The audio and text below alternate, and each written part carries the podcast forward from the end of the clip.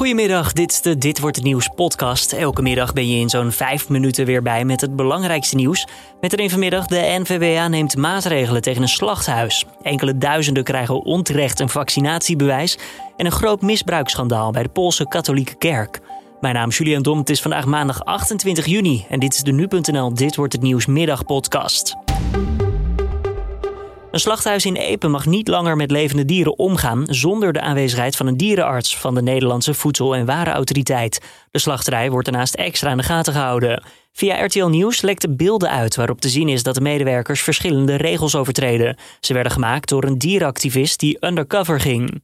Um, je ziet inderdaad dat uh, deze medewerker op dat moment met de zijkant van de pedal op de kop slaat van het varken. Is dit iets wat elke dag gebeurde? Uh, het, het, is een praktijk wat ja, zo goed als dagelijks plaatsvindt, zeker. De directie van het slachthuis zegt de beelden te betreuren. Naar schatting hebben een paar duizend mensen een vaccinatiebewijs in de Corona Check-app gekregen, terwijl ze nog niet volledig gevaccineerd zijn. Dat zegt een woordvoerder van het ministerie van Volksgezondheid. Sinds donderdag is het mogelijk om zo'n vaccinatiebewijs te krijgen in de Corona Check-app, maar daarvoor moet je wel volledig gevaccineerd zijn. En bij de meeste vaccins betekent dat ook twee prikken. Toch konden duizenden mensen na één prik al zo'n bewijs krijgen. De oorzaak is maandag gevonden en de fout is opgelost. Er komen genoeg vaccins om ook in 2022 iedereen te prikken. Het kabinet koopt nog eens ruim 6 miljoen doses van het coronavaccin van Moderna. Dat heeft zorgminister Hugo de Jonge gezegd. We hebben ingezet uh, op vaccins die zich allemaal kunnen aanpassen aan mutaties. Want dat is belangrijk natuurlijk. Willen we beschermd blijven voor volgend jaar. En of we de vaccins ook daadwerkelijk in zulke grote aantallen nodig hebben... Dat, dat zullen we gewoon in het najaar bezien. Maar we zijn er in ieder geval klaar voor. Dat was te horen bij de NOS. Er ligt ook al een deal met Pfizer. In het najaar wordt dan bepaald hoeveel vaccins er worden gebruikt. Zeker 368 kinderen zijn tussen 2018 en 2020 seksueel misbruikt door katholiek geestelijken in Polen. Dat staat in een rapport van de Poolse katholieke kerk. Bij het misbruik waren 292 geestelijken betrokken. Sommige van hen hebben dus meerdere jongeren misbruikt in die twee jaar tijd. In de jaren waarover het rapport schrijft zijn bijna evenveel misbruikincidenten gemeld binnen de kerk als in de 28 jaar daarvoor.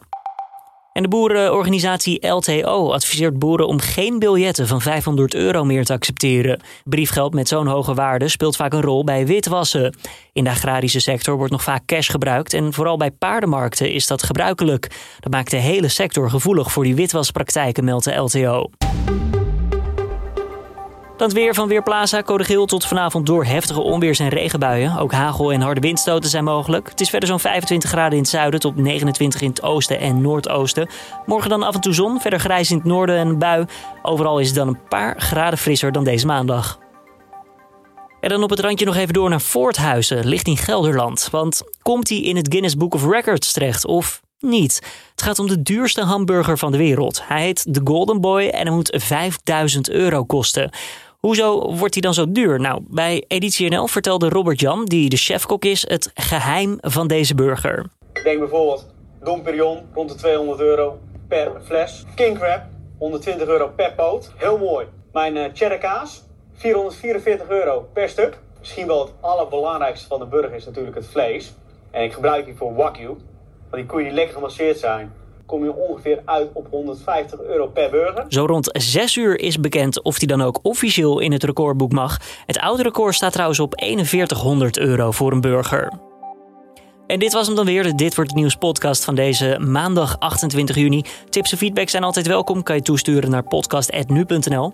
Mijn naam is Julian Dom, ik wens je voor nu een fijne avond en morgenochtend om 6 uur is hier weer collega Carne van der Brink met het nieuws van dan op nu.nl.